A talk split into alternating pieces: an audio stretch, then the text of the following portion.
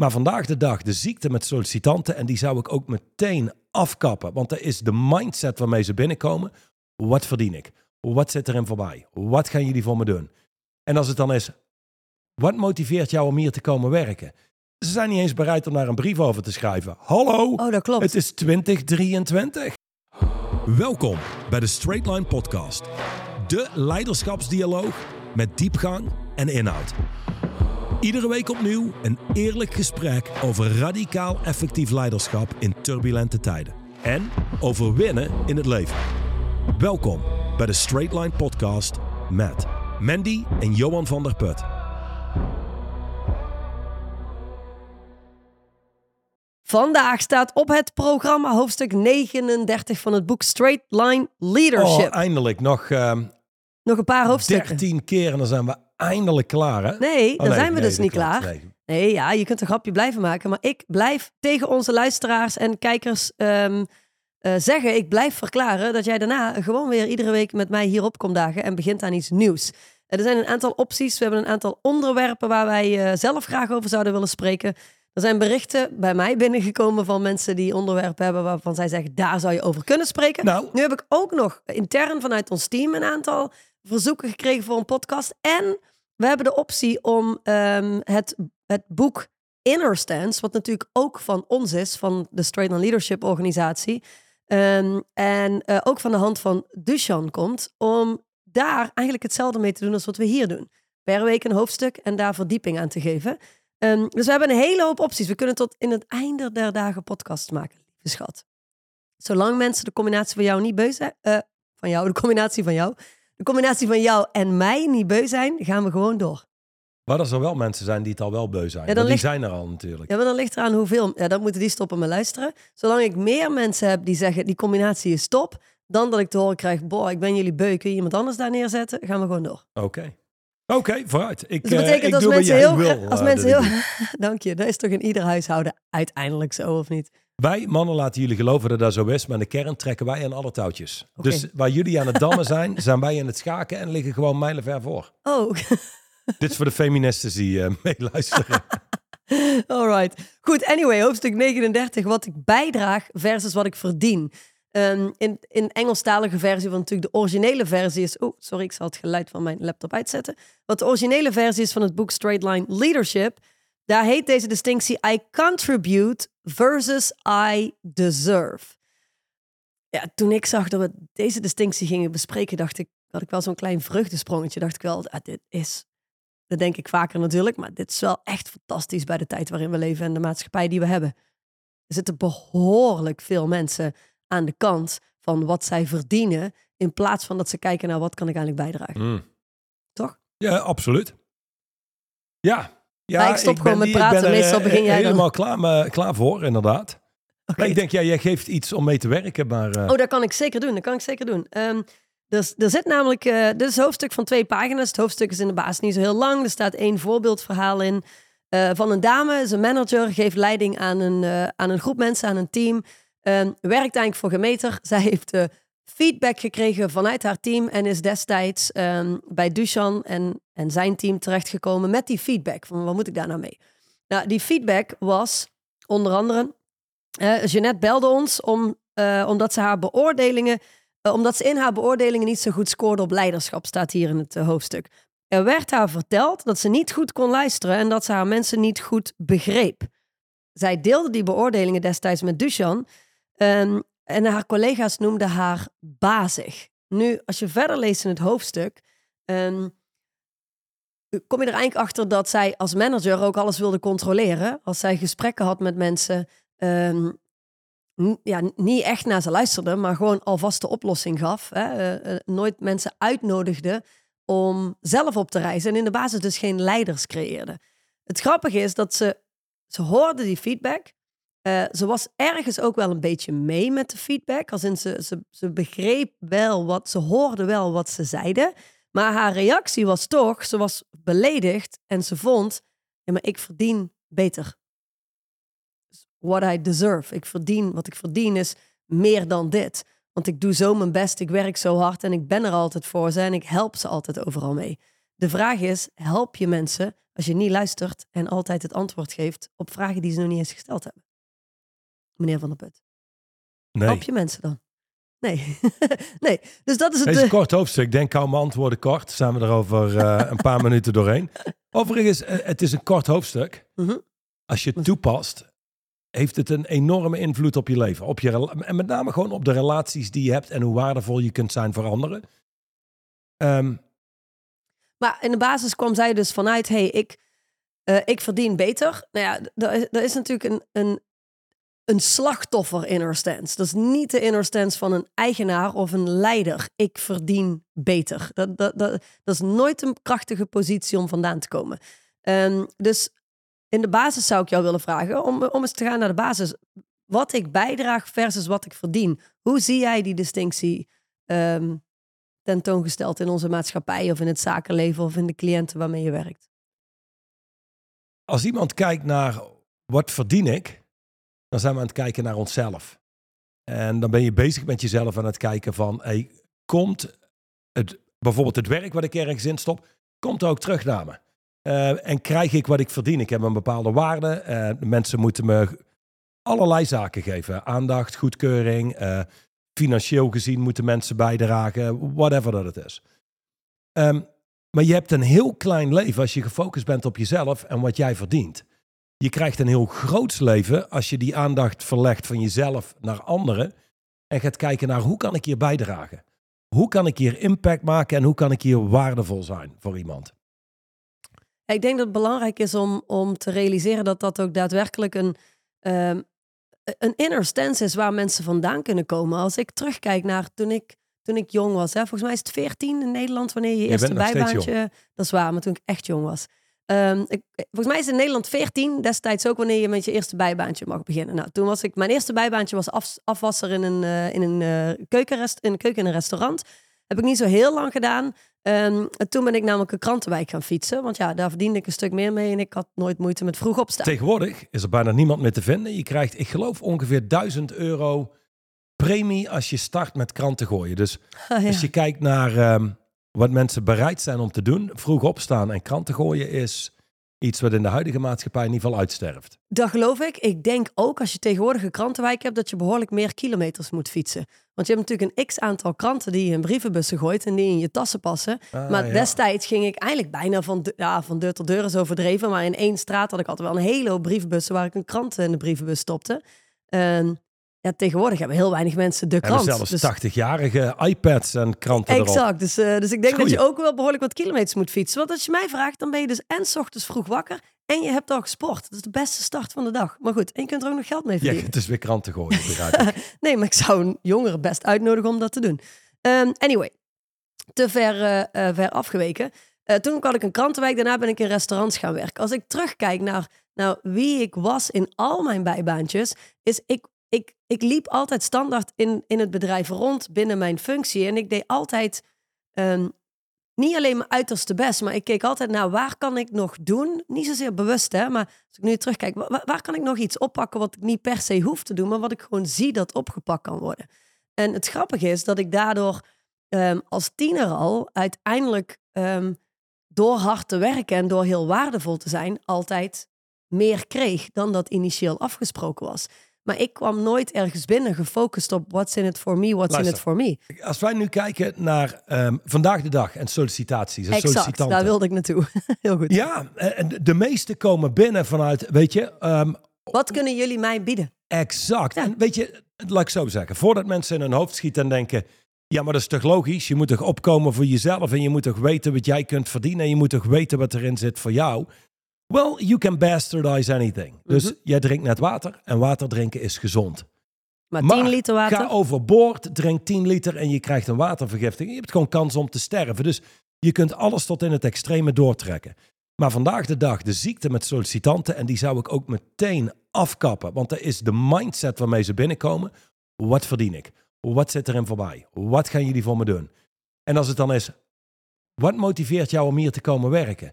Ze zijn niet eens bereid om daar een brief over te schrijven. Hallo, Oh, dat klopt. het is 2023. In 2023 m- m- het vraag je niet meer om motivatiebrieven. Juist. What the fuck? Ja, Ja, en, ik en, vind- en weet, weet je, wa- wacht even, want ik ga mijn punt maken. Oh, oké. Dit is het ding. Nee, ik wil iemand weten, of ik wil iemand hebben die weet wat hij kan bijdragen. En daar ligt zijn of haar focus. Een team in een organisatie heeft een gezamenlijk doel en neemt verantwoordelijkheid om dat gezamenlijke doel te bereiken. Dat betekent, je eigen agenda ben je in staat om af en toe aan de kant te zetten, minder belangrijk te maken dan de gezamenlijke agenda. Mhm. Heb jij mensen die alleen maar bezig zijn met wat zit er in voorbij en wat verdien ik hier? Dan krijg je een perfect comité. Daar is geen team van te maken. Het heeft een enorme invloed op de resultaten binnen een organisatie. Eens, eh, absoluut waar. En, en dit is zo'n ding, vind ik persoonlijk, dat, dat klinkt fantastisch. Hè? Iedere ondernemer die luistert en als jij de distinctie team versus comité uiteenzet, dan is het, oh my god, ja, dat klopt. Ja, ik heb te maken met een comité, et cetera, et cetera. We gaan er nu even niet op in. Ehm, nu, toen ik vanmorgen een online meeting had, toen ehm, eh, had ik een, eh, was ik onderdeel van een interactie, want ze zaten in breakout rooms met elkaar in gesprek, dus ik kon even meeluisteren. En, en daar hoorde ik een van onze ehm, leden, die toch al wat langer lid is, ehm, aangeven dat zij het in het begin, toen zij van, eh zij eventjes de hoofdeigenaar van de organisatie, waar zij ondertussen aandeelhouder van is, ehm, toen zij daarvan te horen krijgt, eh, kreeg van dat een, hoe zei hij het nou toch? Een rotte vis begint bij het hoofd. En eh, dat was voor haar een uitspraak die best wel hard binnenkwam, omdat hij daarmee wilde zeggen: hey, luister, als in de organisatie en in jouw afdeling rottigheid gaande is, dan begint dat bij het hoofd en het hoofd ben jij. En dat was voor haar best wel ehm, pijnlijk om te horen. Ehm, nu, nu ze zo- zo'n hele periode verder is en zo lang in onze conversatie zit, ziet zij meer en meer, met de dag meer, hoe haar team een afspiegeling is van hoe zij zelf in het leven staat. En ik vind dat wel erg belangrijk om te benadrukken. Straight line leadership is er namelijk in de basis voor leiders. En leiders creëren leiders. Maar wat leiders in de basis allereerst zullen moeten beseffen is als jij een verrot team hebt met allemaal mensen die gefocust zijn op what's in it for me, what's in it for me. En iedereen kijkt maar naar wat verdien ik, wat verdien ik versus wat kan ik bijdragen. Dan zegt hij iets over jou. Dat zegt, Het zegt iets over over, jou, jouw laat ik zo leiderschap. zeggen, op zijn minst, jij bent verantwoordelijk. Je bent verantwoordelijk als leider voor die groep mensen. Je bent ook verantwoordelijk om het om te keren. Ja. Ja. Ja, maar heel eerlijk, eh, dat is- dat is waar. En dan, eh, eh, maar, maar dat klinkt voor mij wel als, ehm, jij bent verantwoordelijk, dat klopt. Maar heel eerlijk, als dat echt serieus leeft in je team en als dat echt, echt, als je dat gewoon echt heel goed gerepresenteerd ziet, als je het mij vraagt, is dat in 99,5% van de gevallen hele directe feedback, want dan leeft dat ook in jou. Want er zijn genoeg zakelijk leiders die tegenwoordig kijken naar wat kunnen zij doen voor mij? Wat kunnen zij maar- doen maar voor luister, mij? In plaats van wat ik, sowieso- kan ik doen voor hen? ja, ja, ik snap wat Ja. je zegt. En dat, dat is helemaal waar. Tegelijkertijd, ik denk als jij een ondernemer bent, er zit een verschil tussen een ondernemer en een leider. Ja. En een ondernemer moet ook voor een deel gefocust zijn op wat moeten die mensen doen voor mij? Je trekt performance van mensen. Wat zijn ze werkelijk aan het doen? Om te zorgen dat je meer performance haalt uit mensen, zul je heel snel moeten shiften van wat doen zij voor mij naar wat heb ik te doen voor hen? Ja. Wat kan ik bijdragen? En Ja. hoe kan ik impact maken op die mensen, zodat ze vervolgens meer kunnen gaan bijdragen? Mhm. Daar moet de focus liggen. Maar dat is wat een leider doet. Een leider is niet zozeer gefocust op wat doen zij voor mij. Een leider zal moeten focussen op wat kan ik doen voor hen, wat ons helpt om van A naar B te komen. Oké, correct. En veel mensen in leiderschapsposities zijn onbewust gefocust op wat moeten zij doen voor mij. Ja, zeker, tuurlijk. Ja, ja en, en Ja. dat is denk ik belangrijk om te beseffen. Dat is natuurlijk de kern van dit hoofdstuk. Het is heel makkelijk om snel te gaan naar personeel, teamleden, mensen die komen solliciteren. Eh, die willen alleen maar kijken naar what's in it for me, what's in it for me. Maar het is belangrijk om te beseffen dat het een, ja, ik zou bijna wel zeggen, een ziekte is die in onze hele maatschappij zit. Dus dat dat hele entitlement. En Je mentality. ziet het ook bijvoorbeeld in huwelijken. Als jij in een huwelijk zit, onbewust waar mensen op gefocust zijn is, wat doet mijn partner voor me? Wat is het gevoel wat ze me geeft? Krijg ik voldoende aandacht? Krijg ik voldoende liefde? Als daar je focus ligt, dat is eigenlijk een garantie op het falen van je huwelijk. Dus onbewust ehm, zitten mensen in ehm, relaties, liefdesrelaties met elkaar. Ehm, en dat komt natuurlijk ook in alle liefdesliedjes voor. You complete me. Oftewel, jij moet mij compleet maken, jij moet mij gelukkig maken. Ja, dat is al een, een perfecte vorm van, weet je, eh, ik heb je nodig. Ja. ik kan niet zonder jou. Ja, dat is een garantie op falen in een huwelijk. Ja. Maar daarbij is nog, die partner moet allerlei zaken doen. Precies. Liefde geven, aandacht geven, Hm. goedkeuring Ja, want geven, jij moet mij gelukkig maken. Ja. Ja. Als je dat omdraait en in plaats van dat je kijkt naar wat je kunt verkrijgen van de ander, shift je naar wat je kunt bijdragen voor de ander. Mhm. En dat is iets waar je jezelf echt op, op moet disciplineren. Om steeds opnieuw en opnieuw te komen. Want het is een positie waar je vandaan komt. Hoe kan ik hier bijdragen? En dan zul je merken hoe diep dit in ons systeem zit. Want dan denken we, ja, hey, ik zal hier zeker bijdragen. Maar zij doet dit niet of zij doet dat niet. Mhm. Dan zie je al hoeveel we daarmee bezig zijn. Maar als je nou eens onbaatzuchtig bijdraagt. En eens kijkt naar wat kan ik doen voor mijn partner. Niet vanuit pleasing, maar 100% vanuit ik heb een commitment op jouw welzijn. Je hebt een commitment op mijn welzijn. Wat kan ik doen voor jou wat bijdraagt? En als daar de focus en aandacht ligt, dan kan ik je vertellen voor de meeste mensen die luisteren, gaat hun huwelijk nooit meer hetzelfde zijn. Maar sterker nog, dit maakt een enorme impact op de kwaliteit van je eigen leven en van anderen. 100 procent. Een, ehm, een kleine aanvulling daarop is dat op het moment dat mensen luisteren en denken: Goh, dat ga ik doen.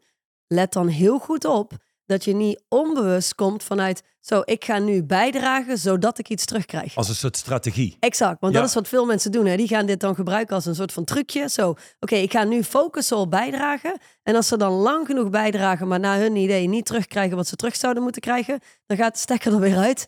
Ehm, dus ik denk dat dat belangrijk is om te benadrukken. Gewoon draag nou eens bij. Focus nou eens op waar kan ik bijdragen, waar kan ik impact maken op het leven van mijn partner, het leven van mijn team, het leven van mijn zakelijk partner, whatever het dan ook is. Ehm, zonder daarbij direct gefocust te zijn op wat krijg ik daaruit terug. En dat, dat is gewoon bijna Dus er is niemand een quote tegenwoordig. van Marcus Aurelius en ik heb hem niet helemaal juist, maar de strekking gaat als volgt. Je hebt mensen die iets doen voor een ander, zodat de ander een schuld heeft die ze vervolgens kunnen inlossen. Of laten inlossen.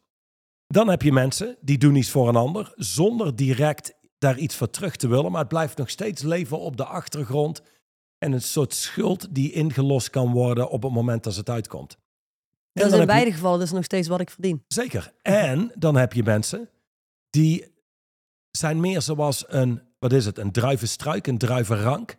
Maar meer zoals dat, die geven zonder daar iets voor terug te verwachten. Ehm, Wayne Dyer heeft zo'n uitspraak. Die zegt, the sun never turned to the moon and said, you owe me. Uh, of de aarde kijkt naar de, naar, naar de zon en een soort van, de zon zegt, you owe me. Ik lever alleen maar en jullie nemen alleen maar, maar ik krijg niks terug. Ehm, de, de focus ligt hier in de kern, als- je een krachtig leven wil leiden, onbaatzuchtig. En als jij tien mensen helpt winnen in het leven, vrij grote kans dat er zeven of acht zijn die bijdragen in jouw leven. Er zullen altijd mensen bij zijn die dat niet doen. Je kunt niet afgemeten zijn. Je kunt niet alles zien als een schuld of iets moet ingelost worden. Maar dan kom je al heel snel terecht in een wereld die oneerlijk is en waarbij je weer gaat focussen op wat moeten zij doen voor mij.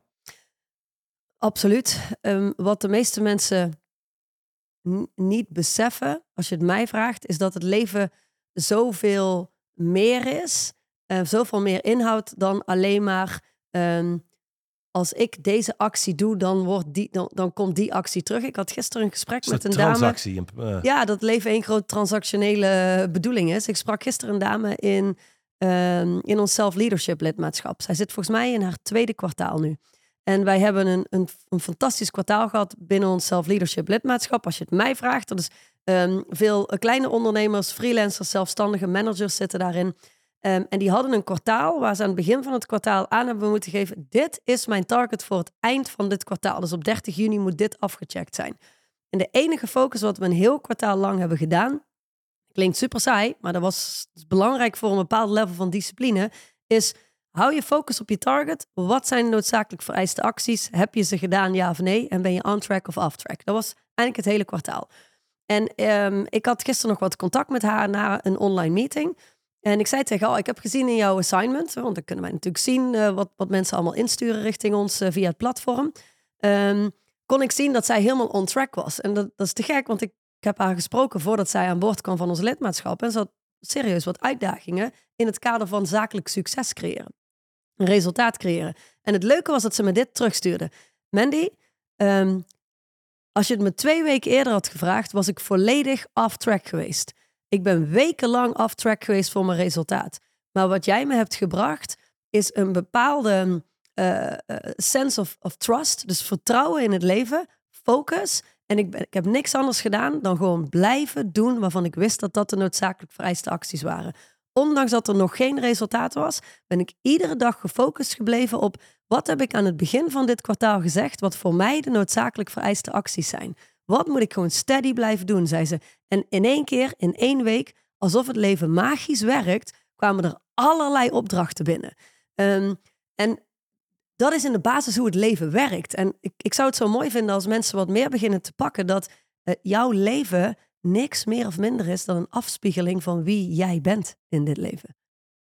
Wie jij bent in dit leven is hoe je leven zich gaat vormen en, en, en hoe het zich terug gaat projecteren richting jou. Dus dat geldt ook voor dit. Als jij gefocust bent op bijdragen en een impact maken op de levens van andere mensen, dan zal als, als een soort van magie, maar het is geen magie, maar als een soort van magie zal het leven automatisch dat terug gaan geven aan jou. Je leven is niks anders dan een weerspiegeling van wie jij bent als mens. Hoe je jezelf hebt gebouwd en hoe je jezelf opnieuw en opnieuw en opnieuw op het speelveld plaatst. Dus als jij steeds komt, bewust of onbewust, vanuit what's in it for me? Wat verdien ik? Dit is niet eerlijk. Dit is niet mijn schuld. Dan ga je dat teruggereflecteerd zien in je leven. En ik weet dat dat misschien nou, zweverig klinkt, maar dat is nou, letterlijk hoe het, werkt. Het is een heel afgemeten en heel klein leven als je, als je leeft op de laatste manier die jij zegt. En de eerste manier is als je het gewoon heel logisch bekijkt en je kijkt naar de wet van creatie. Je, je krijgt dat waar je voor gewerkt hebt. Dat is hoe het werkt. Als je ergens 100% instopt, dan komt daar resultaat uit. Of je bent niet de juiste dingen aan het doen. Maar wat denk je van het volgende? Tegenwoordig, um, ik ben even aan het denken. We hebben sowieso een nichtje, Lara, die speelt hockey.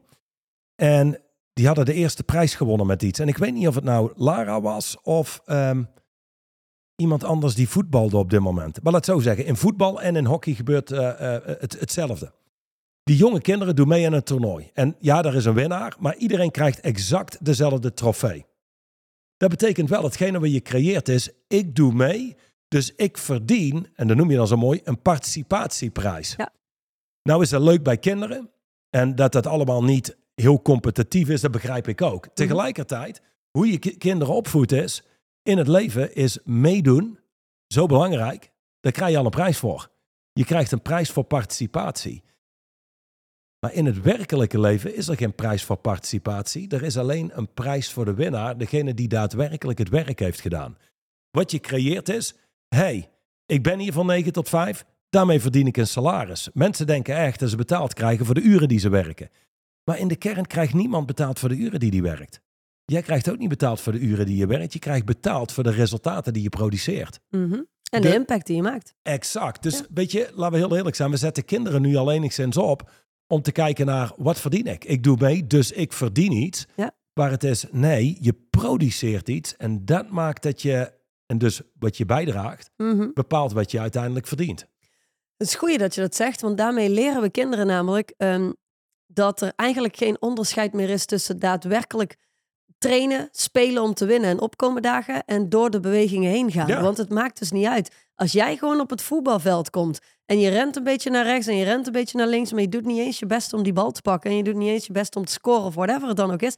Dat is oké, want je krijgt dezelfde prijs als die mensen die wel gevochten hebben. Ja, ja dat, dat is super gevaarlijk. Ben ik helemaal met jou eens. Dat is super gevaarlijk om dat op zo'n jonge leeftijd al mee te geven. Um, als je daarnaar gaat kijken, is het natuurlijk ongeveer hetzelfde. Uh, aan de ene kant wordt er nooit gezegd waarom je dingen moet leren, zodat je het nut ziet daarachter. Aan de andere kant is het, er zit geen verschil in de kern tussen een 6 of een 9 of een 10. Dus laat zo zeggen, waar in het leven je beloond wordt voor het werk wat je doet, krijg je eigenlijk in het schoolsysteem aangeleerd dat eigenlijk door de bewegingen heen gaan, dat levert dezelfde beloning op als jezelf volledig geven. Klopt. Ja, nou en als je kijkt naar hoe de maatschappij werkt, jij wordt betaald en mensen beoordelen je, want dat doet iedereen onbewust voor het grote deel. Maar mensen beoordelen je op hoe waardevol je bent voor ze, wat je hebt bijgedragen aan ze. Ja. En als jij gaat kijken naar je omgeving, hetzelfde als ik en iedereen die luistert, jij hebt mensen in je leven die kosten of je hebt mensen die bijdragen. Ja. Maar daar zit niks tussen en er is geen neutrale wereld. Nee, En ik kan je verzekeren, want ik wil er wel op blijven hameren, dat als jij uh, om je heen kijkt en, dat je, en je hebt heel veel mensen in je leven die kosten en weinig die bijdragen, dan ben je zelf waarschijnlijk, ondanks dat je misschien iemand, wel iemand bent die bijdraagt, ben je toch gefocust op what's in it for me. Nou, Hoe gek het, ook het bijdragen is in, in zulke gevallen vaak gefocust op, het is niet onbaatzuchtig geven, Precies. dan is het om te pleasen, om goedkeuring te krijgen. Om iets terug te krijgen. Exact. ja. en, en of dat nou aandacht is, liefde, ergens bij horen of geld. De focus ligt vaak op mij, ik. Het is gewoon een hele egoïstische kleine inner stance als je het zo bekijkt. 100 procent, 100 procent. Um, ik vind dit een hele mooie link naar het laatste deel wat ik graag in deze podcast wil doen vandaag. Um, toevallig, voordat wij deze opname ingingen, um, kreeg ik een berichtje binnen in mijn mailbox uh, via LinkedIn. Dus ik klikte daarop en toen kwam ik op de LinkedIn-pagina en zag ik een bericht van onze ongelooflijk fantastische zakenpartner Christophe Kuppens. die uh, heeft altijd hele mooie posts op LinkedIn. En uh, op LinkedIn heeft hij een post geplaatst. En dat is een artikel wat hij ooit geschreven heeft um, voor een van onze magazines. Die magazines zijn over, over die zijn volgens mij momenteel niet meer te koop in onze webshop, maar die worden opnieuw gedrukt voor iedereen die daarin geïnteresseerd is. Het is een Thrive magazine. Eentje gaat over krachtig communiceren, de ander gaat over krachtige relaties. In een van die magazines heeft Christophe een artikel uh, geschreven. Ik wil daar graag op ingaan, eigenlijk als afronding van, van deze podcast, maar het zal misschien nog wel een minuut of tien duren. Het artikel is de paradox van betrouwbaarheid. Kun je die nog herinneren? Mm -hmm. ik, ik, lees hem gewoon een stuk voor. Wil je, wil je inspringen, spring je in. Over het algemeen geven mensen, of geven mensen in de hoop iets terug te krijgen. Ik heb ooit besloten dat als iemand mijn pad kruist, diegene meer wint dan hij verliest. Dat is, dat is ook oprecht hoe ik Christophe door het leven zie mhm. lopen. Iedere interactie die hij heeft, in de basis wil hij dat die persoon meer wint dan die verliest. Die instelling zorgt ervoor dat ik sterke relaties bouw met mensen binnen de netwerken waarin ik me begeef. Nooit heb ik de behoefte gevoeld om gunsten op een weegschaal te leggen. En dat komt door het voorbeeld dat mijn ouders mij gaven. Nou, daarin gaat hij, uh, daar gaat hij een stukje in op. Mijn moeder was bakkersvrouw en therapeut voor elke inwoner van Kauliel. um, en daarin geeft hij aan, ik ga dat niet helemaal uh, lezen, maar daarin geeft hij aan dat, um, dat zijn moeder altijd klaar stond. Al kwam iemand één croissantje kopen in de bakkerij en die wilde even zijn verhaal kwijt, was oké, dan was zij daar. En die kreeg dezelfde aandacht als iemand die voor 200 euro die, aan spullen meenam. Precies, ja. Uh, en als iemand niet op tijd kon zijn voor sluitingstijd, dan reed zij of, of de vader van Christophe, Noël, even met het fietsje langs iemands huis om een taartje af te leveren. Dus een, enorm veel gefocust op waar kunnen ze bijdragen. Zo heeft zijn vader ook uh, uh, ooit twintig kajaks aangeschaft, zodat de jongeren in de buurt konden gaan kajakken op het kanaal wat daar ligt. Um, daar, heeft Christophe, zeg maar, dat heeft hij meegekregen met zijn opvoeding. Nou, verderop in dat artikel zegt hij: Wanneer ik een krachtig netwerk binnenkom, neem ik de lessen van mijn ouders met me mee. Ik bedenk altijd: waar kan ik hier waarde aan toevoegen? Waar kan ik iets betekenen en hoe kunnen we de standaard verhogen? Is in de basis al tegenovergesteld van hoe de meeste mensen netwerken. Dat wil ik wezen. Waarom... de, en daarom haat ik van die netwerkclubs. Exact. Omdat het eigenlijk altijd Ik denk de meeste luisteraars ook. Ja, weet je, het, iedereen komt daar om te nemen. En dan is het ook, en, en hier haak ik op voorhand al aan af. En dit voelt voor mij het zeer zwak. Die gaan naar een netwerkclub toe, zodat ze kaartjes uit kunnen delen en er opdrachten uit kunnen halen. En dan denk ik, iedereen die er niet gewoon op uit kan gaan en opdrachten binnen kan halen, maar zich aan moet sluiten bij een netwerkclub, ja, die zou dit hoofdstuk moeten horen. Want dan hoef je nooit meer naar een netwerkclub toe. Want uh, als jij gewoon bij gaat dragen, dan hoef je niet meer hulpeloos kaartjes uit te delen in de hoop dat iemand uit een schuldgevoel, als jij dan ook bij mij koopt, dan koop ik bij jou. Um, ja, dat, dat, zijn geen netwerken die je bekrachtigen. Ik vind het wel, wel heel erg tof aan, want ik denk dat ik bijna wekelijks van leden terugkrijg. Dit is het meest krachtige netwerk waar ik me ooit bij aangesloten heb. En wij, wij, wij verkopen helemaal niet een netwerk. Als in, dat doen wij niet.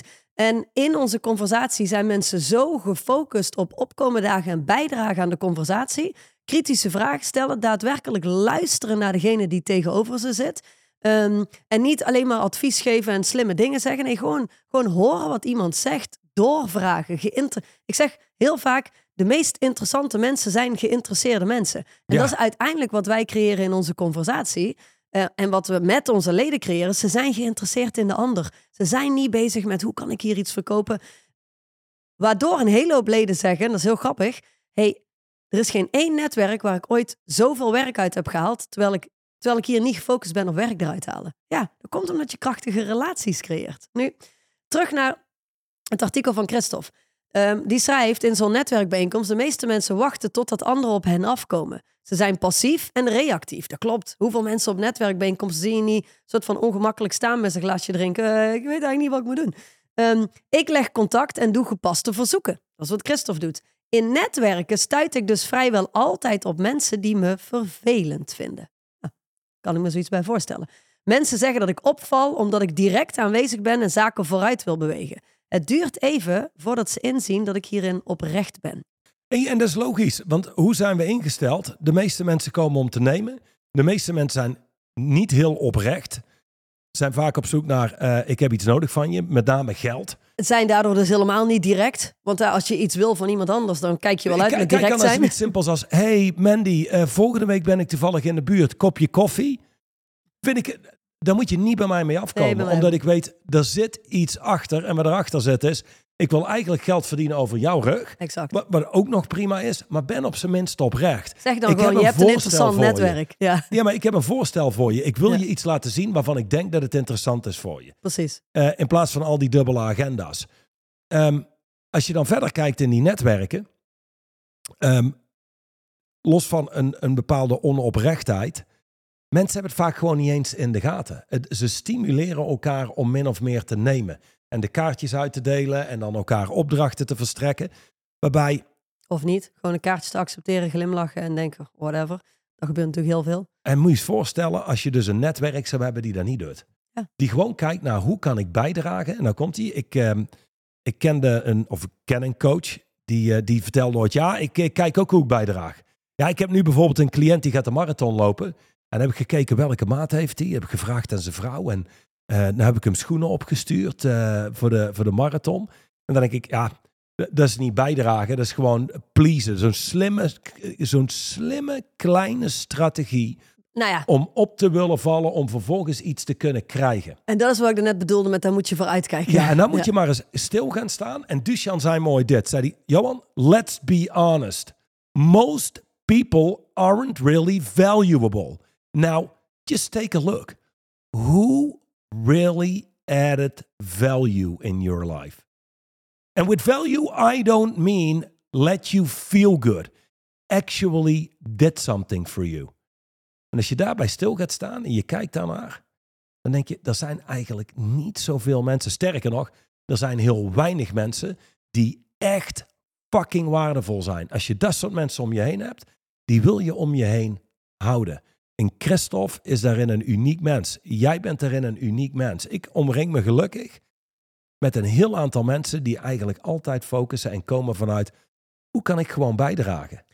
Ja, uh, absoluut. Uh, ik ook. En ik denk uh, dat dat, ja, het, het, is gelukkig als in, ik, ik prijs mij gelukkig dat ik dat heb. Ja. Um, maar tegelijkertijd is dat iets wat wij hebben gecreëerd. Um, afgelopen weekend waren wij in Antwerpen samen.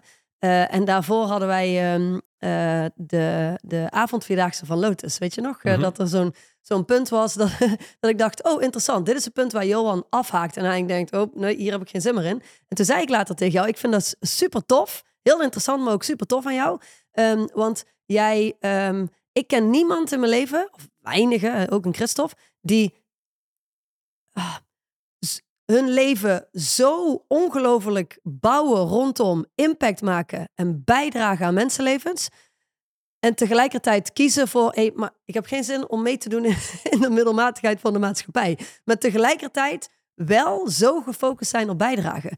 Um, maar doordat jij jezelf zo gebouwd hebt, want zo was je vroeger ook niet, mm -hmm. doordat jij jezelf zo gebouwd hebt door de jaren heen, heb jij die mensen die je wel om je heen hebt, die jij belangrijk vindt, want je privécirkel hou je heel klein, wat echt helemaal oké okay is, want een grote privécirkel is over het algemeen een bullshitcirkel. Um, die zijn ook heel waardevol voor jou, voor mij, voor onze familie. Uh, we zijn waardevol voor hun familie.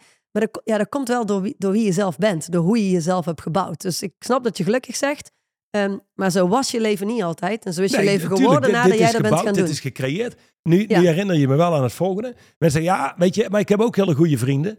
Want um, heel eerlijk, als ik s'nachts bijvoorbeeld stil kom te staan en ik heb een lekker band ja, ik weet zeker dat ik die kan bellen en die komt me helpen. Ja. En dan denk ik van, ja, ja, is daar eigenlijk niet het minste wat je kunt doen. Als in, je hebt zelfs een ANWB die je kunt bellen. Die ken je niet eens, die betaal je daarvoor. Ja, dat Dat zou, vind ik dat zou ik nog doen voor, eh weet ik veel, de buren die zes huizen verderop wonen als ze niemand anders hebben. Exact, dat vind ik van die theewaterfilosofie en andere wordt nogal een slappe theorie die erachter zet. Ik denk, ja, ja, dan heb je de lat heel laag liggen. Als, Ja. dat, als dat de ondergrens is. Ehm, ik, ik denk het beste wat mensen kunnen doen is überhaupt is vertragen en kijken, wat is eigenlijk waardevol voor de mensen om heen? Absoluut. We gaan eventjes terug naar Christophe, want die eindigt dit artikel met het is een paradox. En ik denk dat jij dit nog wel een leuk stuk vindt. Het is een paradox. De mensen die het betrouwbaarst overkomen, zijn dat uiteindelijk vaak niet. Dus dat ben ik absoluut met hem eens. Degenen die het betrouwbaarst overkomen, zijn dat vaak niet.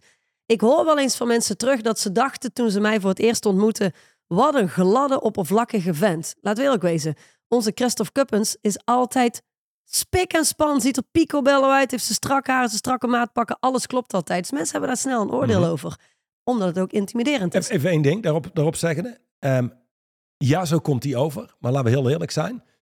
Mensen kennen Christophe niet. Nee, oké, Ze- maar daar gaan we wacht even. Ja, Ze kennen het verhaal over Christophe.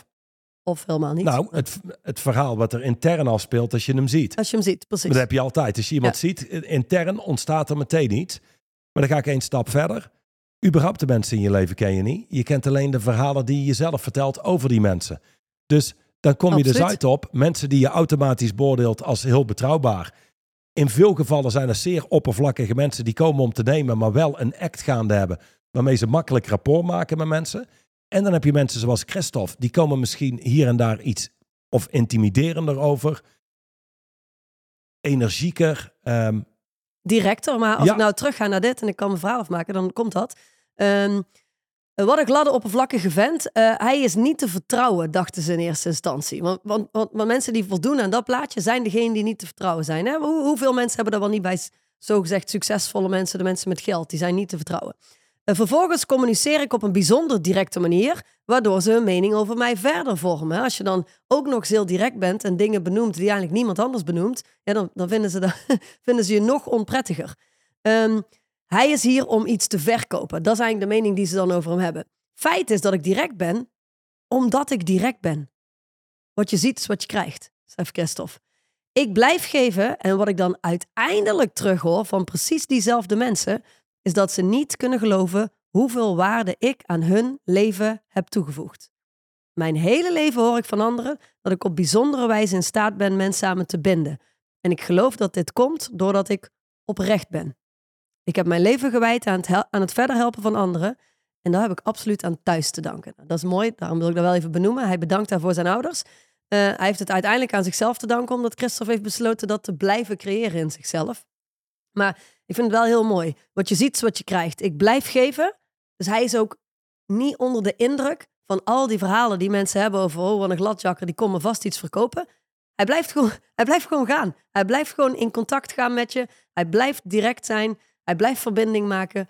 Hij blijft opkomen dagen. En na verloop van tijd zeggen die mensen: Ik kan niet geloven hoeveel waarde jij aan mijn leven hebt toegevoegd. En dat snap ik, want Christophe is een van die unieke mensen die 's ochtends vroeg, ik kan hem 's ochtends vroeg bereiken, rond een uur of zes.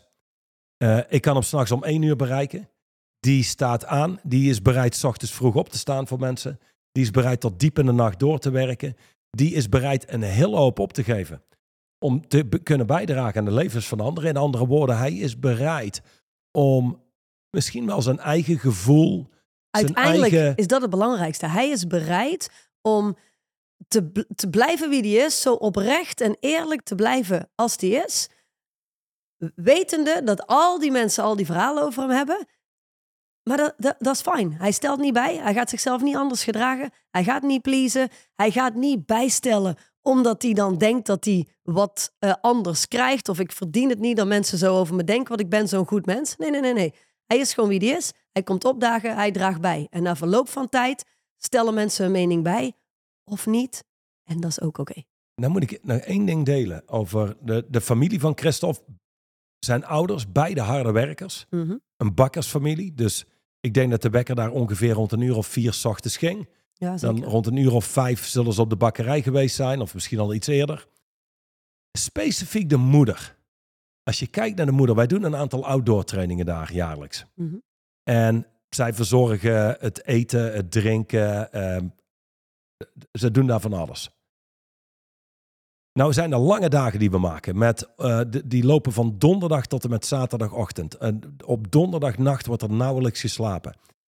Die moeder, die is helemaal in de reglement. Ik weet niet precies hoe oud ze is. Richting de 60 verwacht ik nu. Richting de 60? Nee, die is al wat ouder. Ah, nou, fijn. Vanuit daar, die is ochtends als eerste wakker. Die is al bezig met het smeren van de broodjes. Die is bezig met het zetten van de koffie, met de thee. Dan kom je eraan. Dan is ze meteen heel behulpzaam. Die is de hele dag door aan het werk. Die is s'avonds om 11 uur nog mee aan het opruimen. Die gaat rond 1 uur de bed in. De volgende ochtend om 6 uur, als ik wakker word, is die al lang bezig. Dat is iemand die onbaatzuchtig blijft geven. Een enorme werkethiek heeft. Dus het was ook makkelijk werken met Christophe. Die is uh, opgegroeid in, een, uh, in wat dat betreft, als het gaat om deze distinctie, in een goede wereld. Ja, absoluut. absoluut. En dank u Marleen en Noël voor de fantastische zakenpartner die jullie voor ons hebben gebouwd van kleins af aan. Um, ja, wat ik bijdraag versus wat ik verdien. Ik denk uh, dat de belangrijkste punten zijn gemaakt.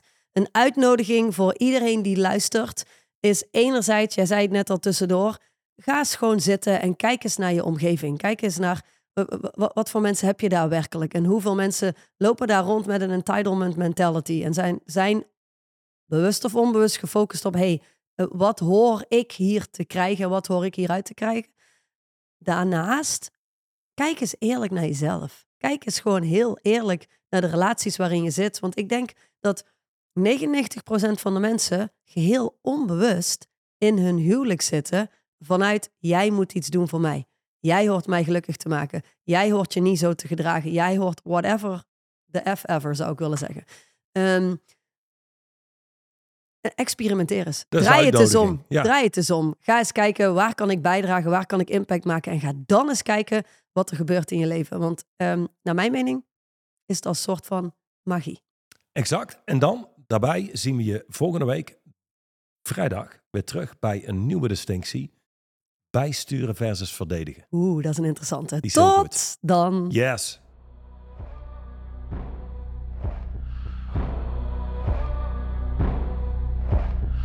De overige podcast beluisteren of deze nog eens terugluisteren? Ga naar het YouTube of Spotify account van Straightline Leadership.